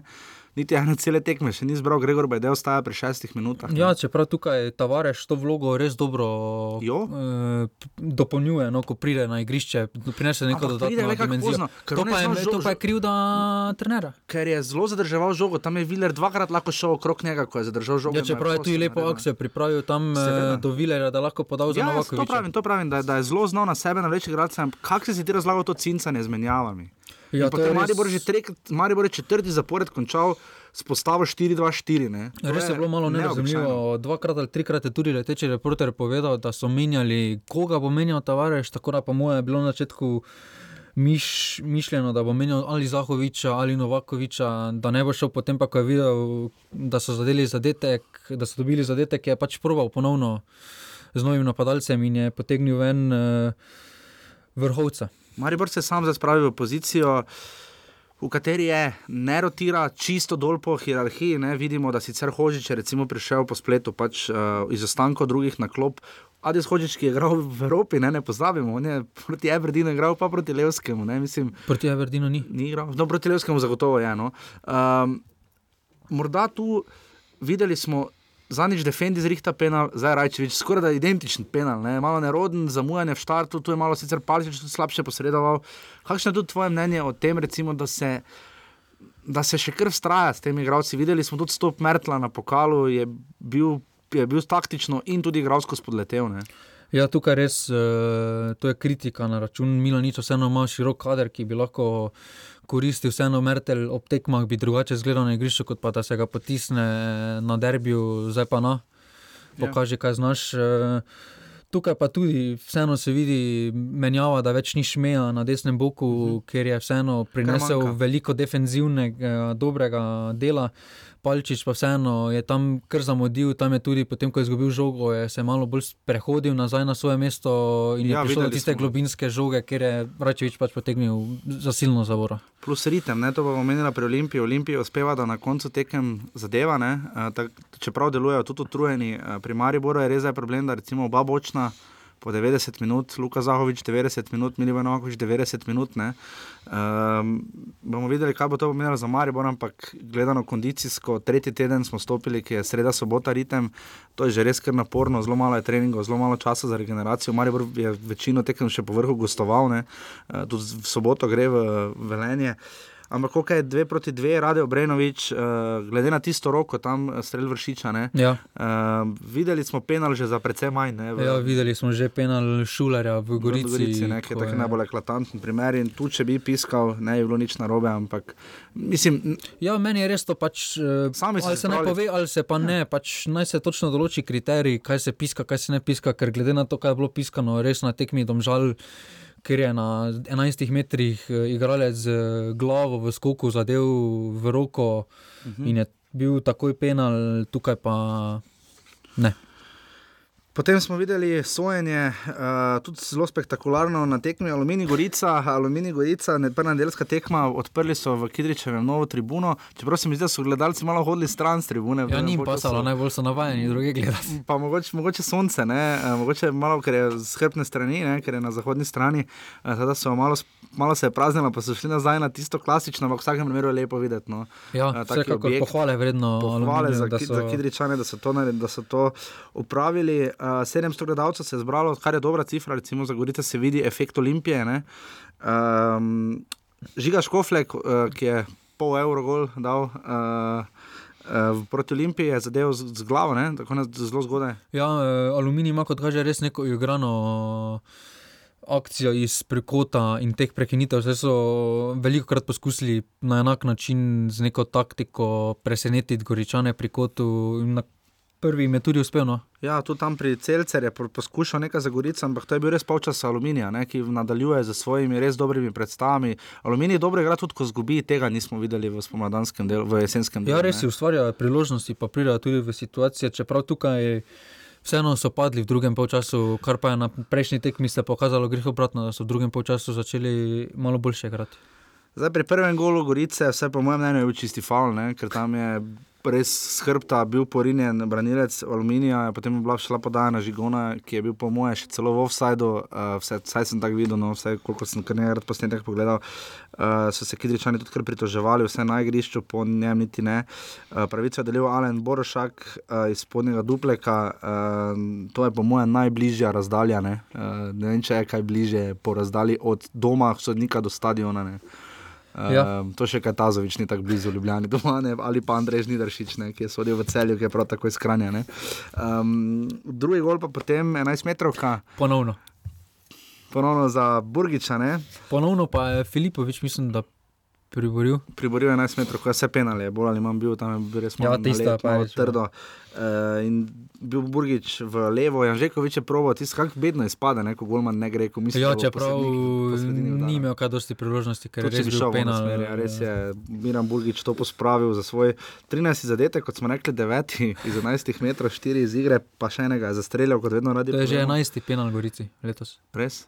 To je z naskokom, naj, naj, najboljši. in- Skupaj mislim, da je bilo v prvi ligi okoli 30. Torej, Gorica skoraj pol. Uh, kar pomeni, da so Goričani s to zmago, uh, Aluminij, seveda, uh, bi mu točka dragocena prav prišla, ne? Ja. um, ker se bo s Krškem kar pošteno lovil, ampak dobro, Krško je potem tako ali tako že dan prej izgubilo. Uh, je pa Gorica s tem nakazala končno pritisk na oba, ki sta trenutno na drugem in tretjem mestu. Ne? Ja, Gorica ima razen eh, tekme z Mariborom dobre predstave, pa tudi rezultate ima zelo dobre. In nima spomladi. pokala, ne? kdorkoli Ja, za to spokala bo tudi res. izpadel, bo imel malo mačka in se bo moral prvenstvu posvetiti. Tu zdaj počasi za Bancije ni več. ne. Uh, Štiri točke zaostanka, ima zgolj Gorica, ki je zelo poletna, je najbolj sproščena od teh klubov, se mi zdi. Domžalčani vseeno bi želeli nekaj osvojiti, to se vidi, to sva rekla, da, da se fokusira več kot očitno tudi na pokal. In uh, kaj reči, pač Gorica ima res kompaktno ekipo, uh, Ja. Burgi, uh, Srebrenic lahko tudi menjava. Ne? Ja, čeprav se tudi on kot Darko Milanič eh, poslužuje poznih menjav. poznih menjav, ja, če odštejemo, da je Žigon na mestu Grudine šel v prvem času, no, verjetno zaradi poškodbe. Ja. Uh, sta vstopila Gulič in Gode v 85 in 90 minuti. In to je to, Aluminij Gorica 1 proti 2 in res pohvala Kidričanom, ne samo za tribuno, ampak za 700 gledalcev. Potem pa še zadnja tekma. Te nedelje so zdaj že res pestre. Uh, Cel je Olimpija 1-1, ker se je zdelo, da bomo ne toliko videli kot slišali, deja vu. Ja. Uh, na samem koncu, ko je Blessing Leke v 95 minuti zelo radodarnega, ne, ne bomo Ljubljančanom rekli, da si niso zaslužili 5-minutnega podaljška, ajde recimo, ne bomo, ne bomo z obe gledali temu remiju. Uh, Olimpija se, jaz sem gledal v živo, drugi polčas, prvega sem še manjkal. Boljše. Uh, boljša je bila Olimpija. Ne? Bolj, no, boljše, da si manjka. A Ja, ker slab polčas bil. Ja, doben, celjani sploh niso imeli strela v okviru. Da, da. Um, celjani so Igor Jovičevič na tribuni, ne? Ja. Sicer res zaklopijo, ne? kar Med je- polcajtom je sedelo dol. Nekaj tri minute, štiri minute sta se zadržala. to ono kot tudi, če ti telefon zraven vzamejo, hvala, stran vzamejo, hvala Bogu, me se Ja, to je res žena, malo me se smešna žena ne bo kazen, klicala. eh, ne. Kakšna kazen, da, da, da, Skrbi da res lahko zame, sediš ne. z zaklopijo, pa tako. Zaklopijo štiri vetre. Um, celjani so povedali, uh, celjani so drugi počas, to pa moram reči, krenili res na polno. Ne? Ja, res so Imeli res igrati. jajne priložnosti, potem je pa tam, uh, gol je bil predpisan klinarju, sicer Čeprav. meni to ni avto, golno. Vseeno je samo bil odbitek. ne. odbitek ni bil, doben ni imel kontrole nad žogom. Pa žoga ni šla stran od gola, ne, ona je žoga šla Ja, proti žoga je šla golu, vsakemu res da v žoga levi šla od kot. gola, ja. Vodišek res ti ni mogel nič, Vodišek, ki se je kar izkazal z novi, v novi čas, moram priznati, da sem v tej sezoni, če bi zbiral, če bi sam bil trener Olimpije, bi uh, pustil braniti Vodiška. Uh, hvala Bogu, nisem trener Olimpije. Kdo, kdo bi to bil? Samo ne bi bil dolgo. so, ja. uh, ena proti nič, celjani so povedali, imeli še kakšno priložnost, lahko bi dokončali tekmo, pa je niso. Ne? Ja, čeprav oni so se tudi po golu, so se kar umaknili Kar nazaj, pa ja. prepustili igro Olimpije, pa ta ni našla dobene rešitve na postavljeno obrambo. Na koncu pa- Kdo je tam podal Kapun? Ne? Kapun je podal, Ja, Kapun je eh, Kapun je podal skozi Džiniča. Uh, tam, je pa, tam pa nisva ziger, ali, Ali Brecl, ali je bil pa Brecel ali pa Jure Travner, Travner. ki je imel sicer dobro tekmo, mislim, da je bil Brecel, kot je povedal uh, Tomaš Lokačo prenosil in tam se je Leke res dobro znašel. Ne. Ja. Zdaj pa Blessing je Leke efekt. Ne. Um, Tu zdaj bog ne da, da ne bi šli na kakršno koli žaljenje, omalovaževanje, karkoli na barvo kože, na vse po spisku, karkoli, sploh ne daleč od tega. Uh, samo čudi nas, zakaj se Blessing Leke tako blazno veseli zadetka, tako ali tako je bilo konec, bila je 94 minuta in kaj 47 sekunda. Ja. Uh, Žnidaršič v vsakem primeru odpiskal konec tekme, ampak vseeno ne. Žogo neseš in greš na sredino. Ne. Ajde, ja. Ja. da bi bilo za 2-1 v redu, pole tako ali tako konec. Ne. Kako si ti to razlagaš? No? Ja. Ja. Leke, to, je, to je noro. Ne. Ja, res so se tako veselili, no, jaz takega slavja še nisem skoraj da na Ligo Prokome, to sem bil na finale Lige Prokome. Ja, je Ronaldo še res. Cime je prišel, prišel z klopi, pa so res tam slavili, z obkurne zastavi, či- čisto vsi. Zato je karakter, ne, to se zdaj vidi. Ja, vseeno, po, po pokazalo se je, da jim ta gol res dosti pomeni, ta rezultat. No. Mislim, z, z, z to trojanskega konca se nam zdi rahlo bizarno, glede ja. na to, da so aktualni prvaki še vedno. Uh, ne pa toliko pohvale, pa pač Olimpije za karakter, ker so bili res veseli tega gola, seveda noben tako kot Eleke, ne? uh, ampak res veseli tega gola, ki mi je pač poskrbel, da so pač vsaj, če nič drugega. Bolje je bilo to pomembno, zato da celje ni dobilo treh točk, kot da ja, Olimpija dobila je eno. ne. tudi, res, tem so tudi Gorici olajšali. Gorico lajše delo, pa celje, pa celje kot svojega tekmeca, če bi se fej zalomilo še Olimpiji. Ne? Pa Mislim, tako se to, da ne more. Ja, to je bila druga točka, ne. Le bodimo realni. Radom imajo eno, Olimpija so bila drugo točko, potem razumemo, da se je Leke tako veselil. Absolutno ne bomo skakali po grobu Marena Pušnika, Luka Eliznerja uh, in Rodolfa Vanolija, ampak vseeno uh, strokovnem, tehničnem grobu, seveda uh, nedobesednem. Um, Olimpija se zdaj spet izenačila z domžalami, kot smo rekli prejšnji teden, zaradi boljše razlike. Gole razlike so trenutno domžale, druge drugače, pa če bi bilo konec prvenstva, bi bila Olimpija zaradi medsebojnih tekem. Ampak vseeno, ne, uh, Olimpija v prvenstvu nikakor ne, ni, nikakor ne steče. Ne, tudi njim se sicer vidi, da so se res orientirali na ta pokal, pač zavedajo se, da je skoraj liga da za njih končana. Koliko bi ti zdaj, to je sicer zelo hipotetično vprašanje, pa vendar, manjko roka korona vetra. Ne? Koliko bi on tu bil vseeno, zdaj se je tako ali tako šel, recimo, kot nek ne. Čeprav vidimo, recimo, Denis Klinar. Si res ne dela reklame z igro, ne? pa pustimo, ni toliko Ne, avtomobilov. jesen je dobro igral, Jesen je imel zelo super sezono, še, pa- zdaj pa mu res ne gre, res ni v formi. Tudi ljubljanski navijači, ko beremo po forumih, pa komentarjih, vidimo, da so nezadovoljni z njim. Čeprav se težko, ne moreš učiti te olimpije borbe. Recimo Vramovski, ko je vstopil, je res želel uh, nekaj spremeniti, narediti. Uh, je pa zanimivo, da temu Jurčeviču dajo toliko priložnosti. Čeprav se je na zadnjih dveh tekmah kar Se je. izkazal. No. Okay. Meni se Boljše je kot Štiglec, eh, Zagotovo. zagotovo, pa še domače, no, če tako pogleda. Ja, Štiglec je vstopil tudi zelo, uh, tam parkrat, ko je moral po krilu podajati. Ja, tisto je najbolj- podal. ko je Vaut podal, ko je bilo najbolj napeto, ko bi Olimpija morala najbolj zbrana biti, pa stisniti, je imel kar nekaj težave z obvladovanjem žoge. Uh, sezona pa stoji in pade z Leonom Benkom, ne, ki ne bo Miroslav Radovič, tudi če da štiri gole v Ljudskem vrtu. ne. Uh, to bo rešilo del sezone, to bo rešilo karakter letošnje ekipe, ne pa sezone kot take. Ja, to se meni vseeno zdi, da bo podobno kot lanska Mariborska sezona. Če bo v primeru osvojitve pokala, bo to samo za skrilo te pomankljivosti, te napake, ki so se dogajale, sedaj pa na Olimpiji, da se objektivno vsi v klubu sedejo in si povedo stvari in gredo s čistim listom naprej. eh, Vseeno ta ekipa, ta Olimpija ima trenutno še evidentne težave, kljub temu, ki presegajo Marjana Pušnika, Vse Luka trenerje, Iznerje, vse skupaj, če bi vsi skupaj na klopi sedeli, ne bi Tako da tukaj imajo ne. globje težave in morajo jih rešiti v samem ustroju kluba. In najbolj na tekmah. Ne? Trenutno se zdi, da, da, da na igrišču vendarle. Bolj sposobni so nadoknaditi zaostanek na igrišču, kot pa v klubskih pisarnah in v vsem okrog kluba, in tu jim za karakter absolutno lahko čestitamo. Ne moremo pa mimo, za konec še to, ne moremo mimo tega, da so Dragonci utihnili. ne. Eh, Ja. V drugem polčasu jih ni bilo, ne? kar v prvem polčasu so navijali, eh, tudi Viole, recimo, so naredili zelo dobro vzdušje, kot je Mali povedal v Kopru, je bilo res fajn poslušati tudi na koncu, čeprav je bilo 2-2. Uh, tu se sicer veselje bilo, ampak uh, smo opaz, opazili, da jih je kar potoklo. No? Ker v sredo, ko sem jaz bil v Stožicah na tekmi, to si res vesel za njih. Ne? Pa ne samo z Dragom, za celo Ljubljano, ker so res tistih 5000 ljudi, ki je prišlo na tekmo, 4500, so res bili veseli. Ne? Res, res so čakali na to, da vsaj neko dobro novico, ne? pa tudi če samo prva tekma, ampak to pa nismo mogli ne opaziti. Ne? Ja, vseeno to se je na ligaški tekmi že drugi zgodilo, tudi Dragonci so bili tudi tiho v aluminiju. Uh -huh. Kidričevem, ja, so bili, ja. Tako da to res, kot Dosti pravim, pove, no. nakazuje, pač, da imajo globje težave, kot pa samo karakter ekipe, ki je borben, tukaj borbenosti jim res ne gre oporekati, čeprav nekaj Celje- drugega je težava. Celjanom pa absolutno so še brez poraza spomladi. ne. Eh, Ja, držijo korak z Mariborom. Samo, Ja, edini poleg Maribora, ki so še neporaženi. In to je bil 28. krok prve lige. Uh, zdaj bomo šli hitro, potem kar na drugo ligo uh, in tretjo, seveda. Uh, Pa bomo na koncu, ali pa ne, gremo zdaj pogledati, Gremo hitro, zdaj. pardon za spoštovane poslušalke poslušalci. V naslednjem krogu vodi, kot smo rekli, glavi na 15 zadetkov, Zahovič 14 in 13 jih ima. Ta Burgič in Meri, nič se pa ni spremenilo, mislim, da na lesici streljcev, ker je počasi vrbanec, bo še malo bojal vršičane. Mm, Ja, na lestvici streljcev s kar nekaj krogov že zatišje, pač meri se je kar nevarno približal. Na asistenci pa tu pri Na asistenci pa je Vrbanec eh, ta krok pridobil ponovno eno asistenco. asistenco na- Tukaj je Vršič sedaj malo več zadeva, pa malo manj Ja. asistira, tukaj se pa Ker zna. ima 20 svojih tistih točk, če se štejemo skupaj z detki. Uh, v naslednjem krogu boste igrala Gorica in Celje. Ne? Ja. To bo skoraj da derbi tega kroga. Uh, Glede na bo derbi. pozicijo obeh ekip je to derbi.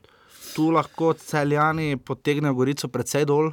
Uh, Ja. Gorica se pa lahko resno vmeša v boj za drugo. To bo mesto. zelo pomembna tekma za celje, čeprav bo Tu bi z remijem težave. obojni zadovoljni, mislim, ne, noben ne bi bil nezadovoljen z remijem, pretirano. Ne? A pa celje, po mojem, bi bilo dokaj nezadovoljno, vseeno bi zmago prišli na eno točko do tega mesta, ki ga hočejo. Te tekme bomo posvetili res malo več pozornosti. Mm, Tukaj bo. Džinič, manjka tukaj mogoče, Aha, kako kartoni. se bo res postavilo celje.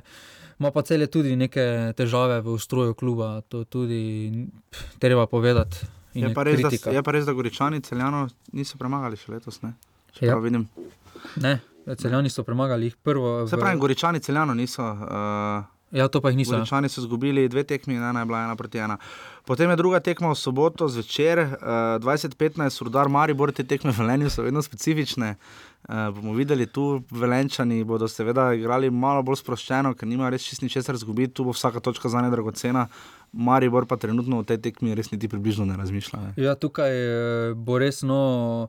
Ta tekma bo odvisna, kako se bo odvila sreda. Če Maribor eh, napreduje, bodo, bo publika sprejela, da se ne zmaga v Velenju. Tudi, tudi ali pa če se malo rotira, ja, karkoli. pa drugače, pa, če pa se ne primeru, ne pridejo naprej v finale, pa bo kar pestro, Bo v kar primeru pestro, še enega ja. kiksa. No. Res je, to bo zelo odvisno. Potem je v nedeljo uh, praznik in zato sta dve tekmi, v pone, tri tekme preostale so pa v ponedeljek, to tudi redko vidimo. Uh, Aluminij Koper. Ponovno Zelo- Aluminij doma igra. Aluminij še tretjič zapored doma igra, uh, se Maribor pa Olimpija pa trikrat zapored zdaj gostujeta. Ne? To Ja. je ta uh, faza prvenstva. Aluminij bo um, igral s Koprom. Um, To bo zelo zanimiva tekma. ne. To so tekme, kjer lahko, kjer je aluminij, čisto formi, tu se bo Koper moral predvsej namučiti. No, sodeč pa, kar vidimo v zadnjih rogih. No. Ja. Za toč, že za točko bo morali hudo fezgarati. Ja, tukaj bo pa tudi Koper, bo odvisno, kako motiviran. Če bo recimo Gorica celje igrala neodločeno, bo potem Koper za zmago ponovno ujel nekakšen ta priključek uh, in bo ponovno eh, postal trok rok teh ekip za Ja. četrto mesto. Koprečani so dvakrat uh, premagali ena proti nič na Bonifiki, Alumini, uh, Kidričani so pa doma stržili točko, takrat uh, eno redkih v jeseni. v Ja, tisti fazi. pa to so vse tekme jeseni, tako Jeseni, da mm, aluminij spomladi malo boljše igra. No. Ja. Uh, potem je domžale krško uh, ob 18. uri v ponedeljek, uh, to tudi težko biti pameten. Uh, Dobro, domžale bodo po vsej verjetnosti spokale, šle srečne, ampak bodo potem počasi, verjetno tu bojo, krško bo šlo tu polno na tekmo, krško pa zdaj več nima kaj izgubiti. Mislim, res bojo morali točke osvajati. Ne? Ne, eh, Krško bo tudi z enim očesom najprej pogledal tekmo aluminija. Uh -huh. Potem pa bo tudi tukaj imajo lepe priložnosti proti domžalam, ki bodo res- vprašanje, kako, kakšnem stanju bodo po tem drugi tekmi polfinala. Ne Čeprav pozabimo- igrajo že v torek, tako da imeli skoraj en teden premora, bo imeli, tako da pokal ne bi smel biti problem. Je pa res problem te domžale in te tekme, ker so favoriti. Krško je dvakrat igralo doma, ena, ena, nič, nič, kar je zelo lep uspeh. Je pa res, da so pokasirali pet nič v tistih dveh tekmah, takrat, ko so nam žalčani se res nastreljali. In potem še zadnja tekma 20-15. To vprašanje, kako bo gledano z tega, sploh če bo Lazar komentiral. Uh, Olimpija, Radomlje, uh, zadnja tekma, tu ni kaj, Olimpija dobila vse tri tekme v letošnji sezoni proti Radomljanom, um, jim zabila že osem zadetkov, tu karkoli za zmage Olimpije, bi seveda je, ne, je iluzorno Ja, pričakovati. no. e, čeprav, če bi mi kdo pred to tekmo pomladi, bi mi rekel, da bo ta tekma dveh ekip, ki sta na začelju somladanske lestvice. Je pa res, da tu si bosta, ja, tu se bi bosta ga res poslal Ja, ja, na, nek, na kakšen pregled. No. Olimpija ima dve točke s pomladi in radom je eno, ne? to sta Ja. ja. res izenačeni moštvi po formi. Uh, to je to, kar se tiče Prve lige Telekom Slovenije, torej 29. krok. Um, zdaj pa pogledamo na hitro v drugo ligo.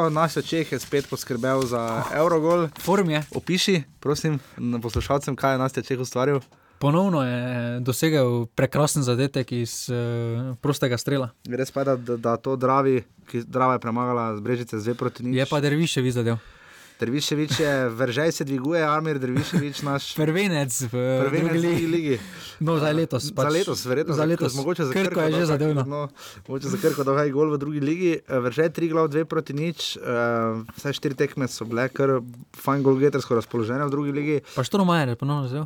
Ja, uh, za uh, Ankaran, uh, ki tudi če se dob slučajno odpove igranje kvalifikacij, bi znal Ankaran vendarle uh, na, na tretje mesto skočiti. Ankaran ima 37 točk, dob 41 in 3 glav, že praktično neolivih 6. Ja, je pa tukaj tri glav krkiksno proti Veržaju. No, Ja, prvi poraz Veržej- eh, Veržej je pri dnu bil. Že je pred dnu, ja. Tako da res. Ampak bo tako ali tako obstal v ligi, uh, kak je že zadnji gre ven. in- Zadnja dva. Zadnja, aha, Tako aha, da se borijo. Ja, ker Zarica je doma izgubila z dobom 4 proti 1 in z, z, tu se brda, za, Veržej in Zarica 17. In Ja, tu bo še 16, kar 16. pestro. Tu bo še pestro, ampak nič ne bo tako pestro, dame in gospodje, kot je bilo pestro v tretji ligi vzhod, cenjene, cenjeni, prek Murje je Futbol Republika, tako smo tudi naslovili tokratni offside. Um, čeprav je globoko to tretja liga, eh, no globoko, tako globoko. Počasi ni. druga liga, Počasi glede na tekmo je tudi. 2900 ljudi. Um, Lahko bi mi dva vse povedala, pa vam bo vse povedal o tem, kako je nafta obrnila. Dva nič je bil polčas, pet dva je bil konec. kako 2-1 je bil polčas. 2-1 je bil polčas, pardon, iz 2-1 v 5-2 uh, vam bo pa povedal, kot smo na vodu oddaje povedali, Franz Friedl. Jer ja, jer ja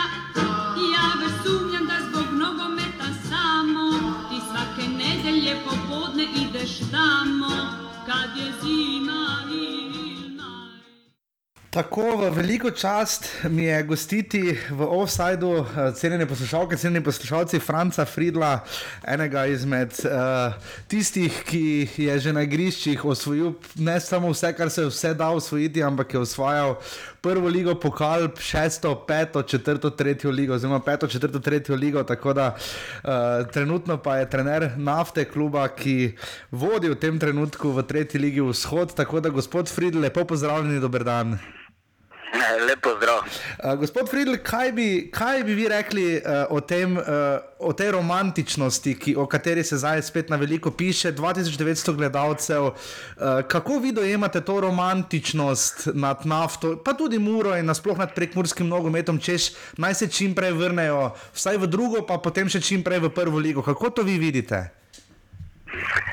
Ja, res je. Moram, uh, moram reči, da kar, kar sem v teh letih spoznal, to bom rekel, to prek mursko dušo, kot igralec tudi v, v Muri, v Beltincih, trener v Muri in sedaj v nafti. Moram reči, da vseeno to prek Murci gledajo malo, malo drugače, nogomet kot vsi ostali. Uh, doživljajo nogomet precej srčno, nekako drugače. Drugače se mi zdi in ja, strinjam se, zasluži, zasluži si prek Murje uh, višji rang, višje tekmovanje, nekako da se vrnemo na ta, na ta zemljevid nogometni in tako kot sem dejal, mi bomo vse naredili, da v tem pomagamo. Uh, bi rekli, da je uh, ta derbi vis, zelo visok rezultat, vidimo ga trenutno tudi med jesenicami in olimpiji v hokeju, so zelo visoki rezultati, tudi tokrat je bilo 5 proti 2. Je to zato, ker je še po, tak poseben draž, ali kaj bi rekli, zakaj je bila tekma tako specifično odprta? Ja, gledajte, dejstvo je, da so bile vključene emocije, da to ni tekma kot vse ostale, da se dogajajo tudi, da so se dogajale napake z ene in pa z druge strani, predvsem zaradi te želje, volje, eh, te neke napetosti in mislim, da je to, da je to bil glavni razlog. Zdaj, glede, bom rekel, stališča trenerjev, verjetno ni niti en, niti drugi nismo zadovoljni z, z tako visokim rezultatom. Se pravi, v taktičnem smislu je to za trenerja mm, nekako ena nič, dva, ena, neki nizki rezultat, vendar uh, tu se je dogajalo marsikaj. Na koncu skoraj da neverjetna tekma. Uh, seveda pa daleč od tega, da zdaj rečem, da mi nismo zadovoljni. Nismo zadovoljni s končnim, s končnim rezultatom in pa nasploh z, z to čudovito tekmo. Zdaj za tretjo ligo vzhod v naši oddaji pogosto rečemo, da je to liga, iz katere je najtežje priti naprej. Zdaj nekaj bo spremenil sistem, letos gre sta dva naprej, prvi in drugi v drugo ligo. Kaj bi sami rekli, kvaliteta tretje lige vzhod, recimo napram drugi ligi? Ne? Kluba, ki se bosta letos uvrstila v drugi ligi, lahko tam takoj konkurirata za najviše mesta in prvo ligo. Kaj bi sami rekli?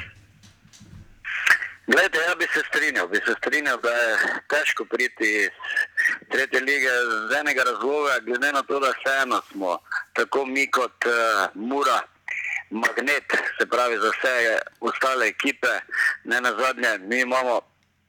Mi moramo biti v vseh tekmah maksimalne, do čim ostali klubi. Mogoče imajo 4-5 tekem v sezoni in to so ravno ti derbi, derbi za njih in uh, seveda tu dajo vse od sebe maksimum. Uh, vemo pa, kako kak je to, da moraš odigrati vsako tekmo maksimalno. Marsikaj se dogaja med sezono, igralci nekako glave malo napašajo in potem je, je težko nekaj držati to, ta, ta tempo. Vendar na koncu najmočnejši, najmočnejši zmagajo, najkvalitetnejši.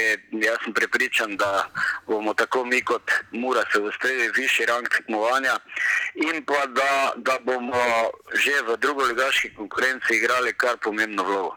Zdaj, jaz se kot pubec spomnim vašega gola izpred skoraj točno 20 let, tistega kar fajn Eurogola proti Olimpiji, še v dresu Maribora, potem ste igrali v dresu Olimpiji proti, proti Mariboru, zdaj ste prišli iz Mure v nafto. Eh, Kaj ste rekli fantom? Eh, So vas kaj vprašali po izkušnjah, kako vidite to rivalstvo med Muro in nafto?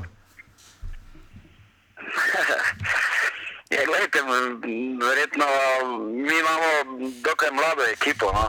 Tako da m, ne verjamem, da se sploh spomnijo teh stvari.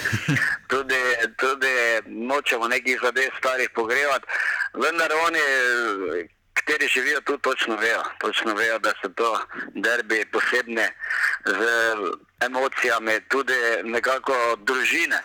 Družine živijo, živijo za to, kar sem doživel samo še v Mariboru. Tako da, uh, kot sem dejal, redko, redko je se to videlo. Rekli ste, da ste na igriščih uh, kot igralec, pa tudi kot trener spoznavali to prekmorsko dušo. Kaj je tako specifičnega, da recimo prekmorci, tudi ko se klubi na novo ustanavljajo, pa pridejo razočaranja, pa neuspehi, pa paci iz, eh, od Evrope pa nazaj v tretjo ligo. Kaj bi rekli, zakaj so prekmorci tako specifični pri tej svoji podpori lokalnim klubom? Poglejte, jaz mislim, da je ravno to nekako vzgoja. Oni so vzgojeni v tem nogometnem duhu. To je normalno, da cela, cela družina gre na tekme. E, kot sem dejal, samo v Mariboru sem to še doživel, da, da, da vsi dihajo, da imajo svoj klub, da to fantje celo po sobah imajo uh, nekako svoje, svojo barvo. Tako da, da ja, to je nekako v duši, to je v njih in s tem živijo. Doživljajo razočaranja, veselje. E, jaz moram reči, da po tekmi sem videl ljudje, da jokajo, tako da res neverjetno. No. Kaj pa navijaška kultura, Black Gringos in Gorgone še vedno ostajajo, ne? že leta in leta so tu zraven. Ne? Kaj bi rekli? Ja, sigurno to moramo spoštovati. To moramo spoštovati. Eh, videli ste sami, kako, kako živijo, kako dihajo. Eh, tudi ko je težko, jaz čestitam obojnim navijačem, tudi, tudi navijačem Mure, ki so športno prenesli, prenesli ta poraz eh, nekako na odzivih, da, da spodbujajo še naprej in to je pravilno. To je pravilno, treba biti veliki in v zmagah in v porazih in to je, to je ta prava pot. Igrali ste v Zavrču, kjer ste prehajali iz leta v leto više po ligah navzgor. ne? Eh, Kaj bi rekli, leto, druga liga se širi na 16 klubov, noben točno ne ve, kaj to pomeni za stroške, kako se bo obnesel sistem uh, in tako naprej. Kaj bi vi rekli, kakšno drugo ligo pričakujete v prihodnji sezoni, oziroma kakšna bo razlika napram recimo tretji ligi? Poglejte, se širi, se širi druga liga, vendar po mojem mnenju, po mojem mnenju, glede na to, da jaz sem prepričan, da bo tako Mura kot Nafta in pa tudi ostali vseeno dvignili, dvignili kvaliteto, dvignili zanimanje do nogometa in pa kaj je najpomembneje. Ti mladi igralci, ki nekako ki nekako prerastejo ta mladin, mladinski pogon, bodo imeli močno ligo za, za se pravi, za igrati, lahko bodo se dokazali in bodo pripravljeni tudi za prvo ligaški nogomet. Zdaj je bilo mogoče to malo težje, nekako se je trebalo, trebalo se seliti ali pa se kaliti v, v tretji lige, ki pa roko na srce ni bila tako kvalitetna. Tako da jaz vidim to v pozitivno. No, še vprašanje dve Mura je takrat v svojem povratku v prvo ligo naredila kar velik preskok, potem tu je imela tudi igralce Bohar, Janža in podobni. ne. Eh, Bi rekli, da je zdaj kaj podobnega v prekmurskem nogometu, se nakazuje neka nova generacija, oziroma kaj bi rekli, da je trenutno največja odlika nafte, pa recimo tudi ostalih klubov. Poglejte, ja, sigurno, sigurno fanti prihajajo, kvalitet, kvaliteta ni sporna. Seveda pa ne sme se ponoviti neke zgodbe, neke zgodbe iz preteklosti, se pravi, da to traja nekaj časa, pa potem spet določeni problemi treba nekako na trdnih temeljih organizirati tole vse skupaj. Jaz sem prepričan, da, da sta oba kluba, tako nafta kot, kot uh, Mura, na trdnih temeljih, da bo to zdržalo in da bomo igrali dolgo, dolgo časa, torej tole, se pravi, pomembno vlogo v slovenskem nogometu. In še to za konec, eh, kaj bi rekli, da trenutno prekmurski nogomet najbolj potrebuje, recimo vaš konkretno klub Nafta, kaj bi rekli, da je tisto, kar najbolj potrebujete? Je to sponzor, je to umirjeno delo, je to delo z mladimi, kaj bi sami rekli? Pa ja, sigurno, gledajte, eh, na koncu, na koncu, če želimo ali ne, je vse skupaj povezano z, z finančno konstrukcijo. Uh, seveda, jaz bi želel, da prepoznajo pravi, pomembni, pomembni ljudje, ki lahko vplivajo pravi, na neko poštenost, na neko delo, delo, da znajo to ceniti, da dajo priložnost mladim, seveda tudi organizacijo teh nogometnih šol in da nekako vsi skupaj, skupaj delamo na tem, da dvignemo, dvignemo to, tole področje in pa celotni slovenski nogomet. In še to mi povete, je, je res, kot mi je novinarski kolega napisal, da je recimo še v gostilni na stadionu zadaj v Lendavi gledalo več ljudi tekmo kot radom domžale? Glede, vsi si želimo, vsi si želimo več navijačev. Noro je bilo, no? v soboto je bilo noro. Uh, ljudje so še ostajali, še ure, ure po tekmi.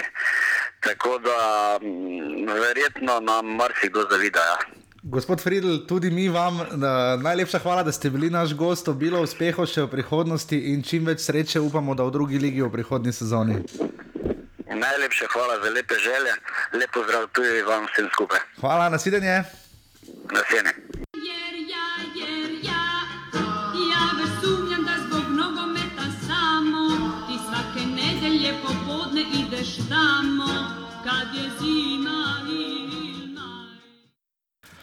Kar pa ne pomeni, ne, hvala um, Francu Fedlu, um, kar pa ne pomeni vse skupaj, da je zdaj ta zmaga nafte, da je vse odločeno, vsi spakirali, mura in nafta gresta v drugo ligo, niti približno. Uh, naslednji konec tedna, sredi derbi, uh, Mu- Mura bo gostila Beltince. Ja, bo mogoče še podrti, to gor ta 2900.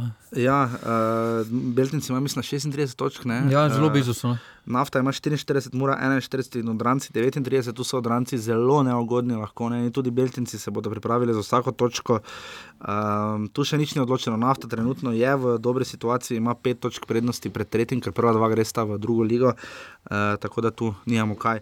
Tretja liga Sever, tvoja specialiteta, uh, da slišimo. Ja, ponovno je Maribor B eh, zmagal, čeprav je ponovno prejel rdeči karton. Spet, že tretjo tekmo zapored, ne? Tretjo tekmo zapored.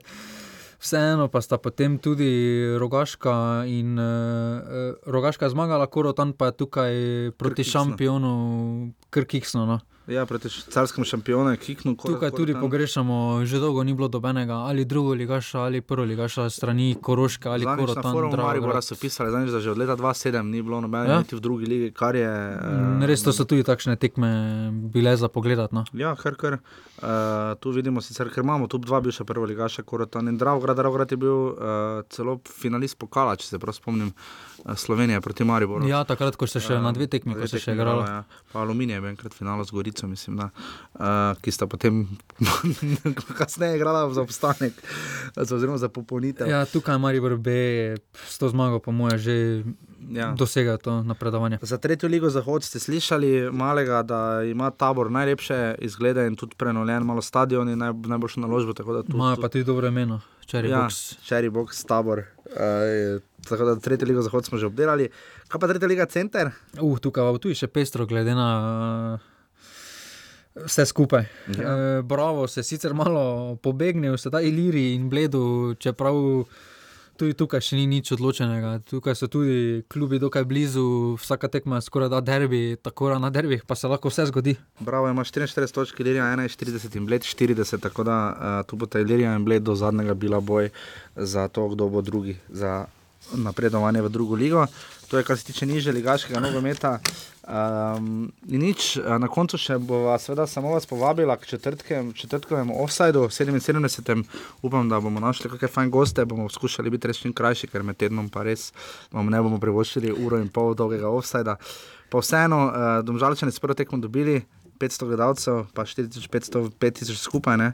Ja. Um, kaj to pove, domžalčani praktično, uh, čeprav So- Krka ni bila čist brez priložnosti. Ne, so imeli priložnosti, čeprav Se vidi razlika. no. Se vidi razlika tudi v kvaliteti, tudi v tekmovalnem ritmu, eh, tako da domžale so že skoraj da si zagotovili. Z eno, z, en, z eno nogo so že naprej. No. Krka je imela ta vikend prosto. Ja, Ta vikend je imela igrala, ker prosto. bi z Zavrčem igrala, ki je seveda že no, del nogometne zgodovine. Uh, tu je tekma jutri, v torek ob 16.30. Ponovno Eh, butasta zelo- ura, Butasta no. ura, malo je ja, res prezgoden termin, pa še v slabo vreme se obeta. Um, bomo videli, krka bo brez Horžena, ne, si napisal. Ja. Uh, Žalčani bomo videli, verjetno bo šli na spolno postavo. Ne. Ja, tukaj nimajo nič taktizirati. Uh, finale pokala bi bil lep. Uh, Ja, to bi bil njihov tretji finale. Lepo, ne. pa tudi lepa korona Ja. za to sezono, vseeno so v Evropi so dobro igrali. poleti, ja.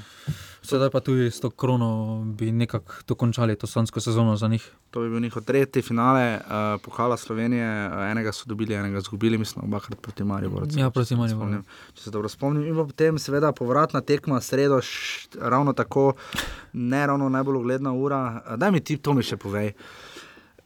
Če si iskreno, glede na to, da je prva tekma lige prvako ta teden, ne, mene ne bi srce bolelo, če ne bi gledal. Čeprav po pravilih Hefe ne smejo dati. Ne sme biti. A, Aha, zato.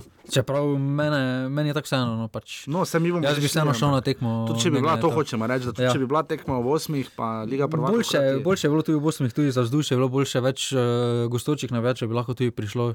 Ampak ja, predvsem za Ljubljančane upam, da bodo tu našli eh, čas, čeprav to pomeni res, da morajo relativno vsaj na Ob dveh že glede na dveh prometno konico v Ja. Bojo morali ob dveh verjetno že iti v Maribor, ampak vsekakor je rezultat izrazito privabil. Uh, če bi tam Zahovic zadev za 2-0. Tam bi bila dokončana tudi vprašanje, če bi bila tudi serija dokončana. Tak pa mora zdaj Maribor dati vsaj en gol, ne? kar, kot smo videli spomladi, niti ni tako preprosto, kot se Ja. sliši. ne. Uh, Čeprav tukaj Maribor eh, vseeno ima napram prvi tekmi ima rešitev v Hotiču in Salalihu, ki Hotič smo videli, da je proti Kupru dal to dinamiko tekanje v sredini, tako da tukaj bi res lahko to bil jeziček na, da, na tehnici, da si malo Maribor več šans pri ustvari.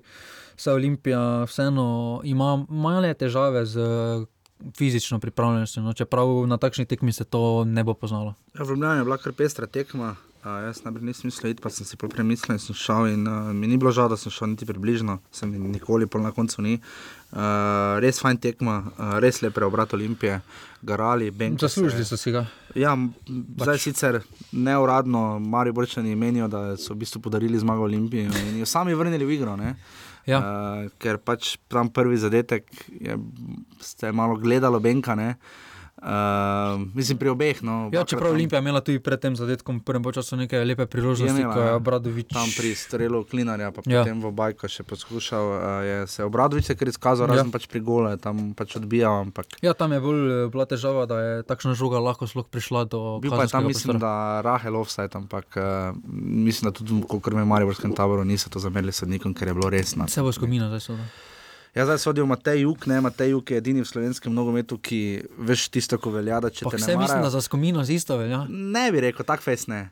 Ker ono, da če te ne marajo, ne v Mariboru, pa ne v Ljubljani, je to dobra stvar za tebe. Mislim, da Matej Juk je edini. Mislim, Juk ima pesem, v, za njega imajo pesem, ljubljanski navijači. ne. Ja, samo čeprav Eh, to je dobro, da te obe, obo, obojni naveč Ja, za njega sovražijo. ne, za njega ne, za njega ni nič dobro. No. Uh, uh, sodi v Damir Skomina 17-15, uh, to bo že kaj, peti derbi v sezoni. Ne? Ne, um, Peti, ja. peti. Šesti pride Šesti še konec pride aprila. 29. aprila uh, v Stožicah, um, kjer bi Marijo lahko bil prvak. Ne? Ja, Še vedno trenutno kaže, zadrži. da Kako s tako prednostjo, če zmaga na tistem derbiju Maribor, postane prvak. Okay. To je bilo to. Uh, za tokrat uh, celjani so pridno naštancali offside, če že niso dali drugega gola, so pa vse tri offside zbrali in so zdaj z 82 že skoraj da državni prvaki. Bodo prišli do odstotke? Mm, Ja, to, to pa dvomim. Uh, moram pogledati, koliko je bilo lani, ampak mislim, da ni bilo 100. Uh, Domžale imajo 69 in bodo kar suvereno druge, Olimpija jih ima, de, oziroma Al- Aluminij jih ima 61, Olimpija ni zbrala, mislim, nobenega, Ne, ima nobenega ni 9, zbrala. 59. Uh, Maribor jih ima 60, uh, 57, rodar 49, krško 48, korica 43, radomlje. In pa naši lepi prijatelji iz Kopra jih imajo 37. Pa tudi zdaj mislim, da Koper nima dobenega vseda proti Mariboru. Mislim, da ima dva celo. Ne, moram pogledati še enkrat, jaz sem to samo skupaj, potem vedno zložim. Uh, v vsakem primeru pa uh, slišimo se v četrtek, bomo probali nekaj gosta ali pa bomo samo pač šla skozi, bomo videli, kako, bomo, kako nam bo uspelo to urediti. Ampak v vsakem primeru uh, hvala, da ste z nami, hvala, da nas podpirate na urbani.si, pošiljnica offset nas lahko, naj lahko podprete, da probamo to delati čim z večjim zagonom naprej.